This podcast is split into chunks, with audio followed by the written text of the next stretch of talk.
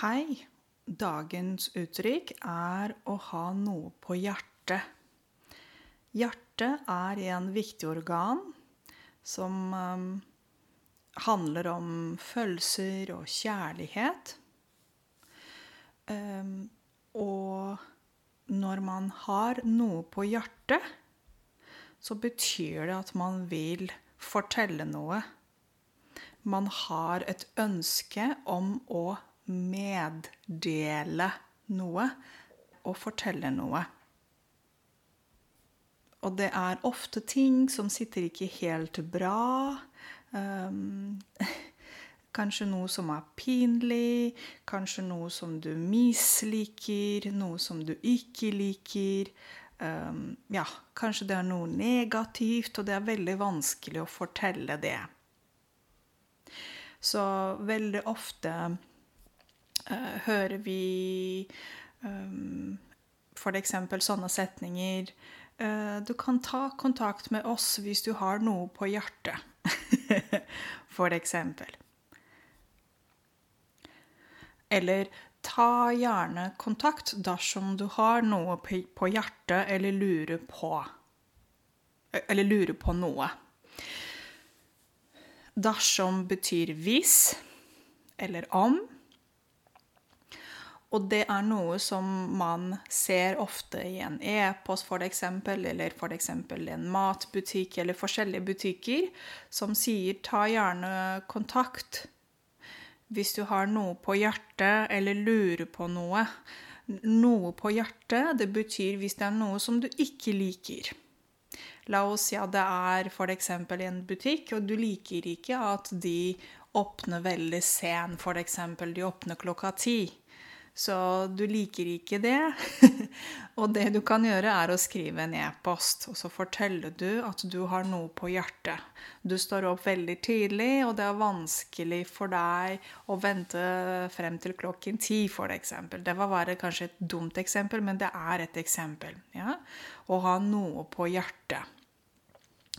Um, for eksempel hvis det er eh, en situasjon med, i et parforhold, hvis det er din partner. Okay?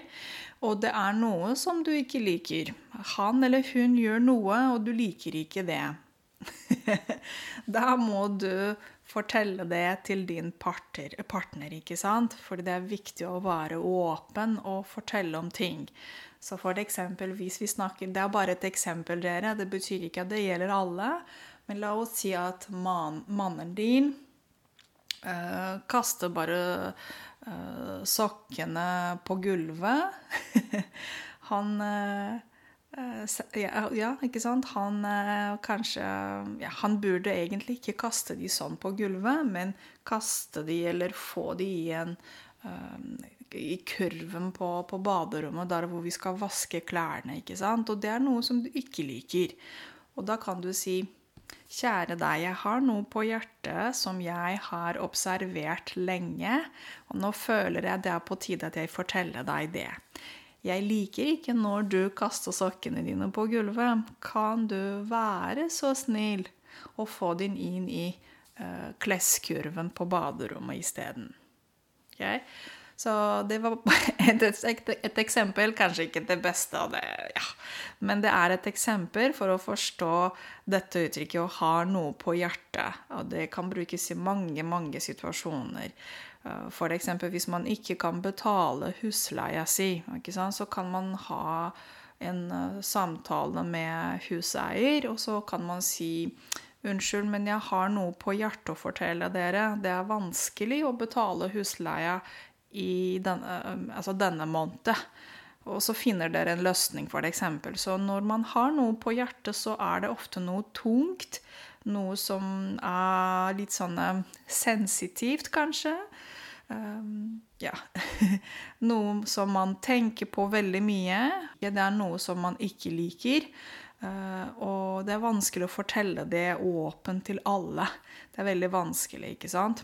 Så dere er det noe som Er det noen av dere som har noe på hjertet å fortelle, altså fortelle til meg før vi avslutter denne podkasten? Ta gjerne kontakt på post1kamelaweb.com.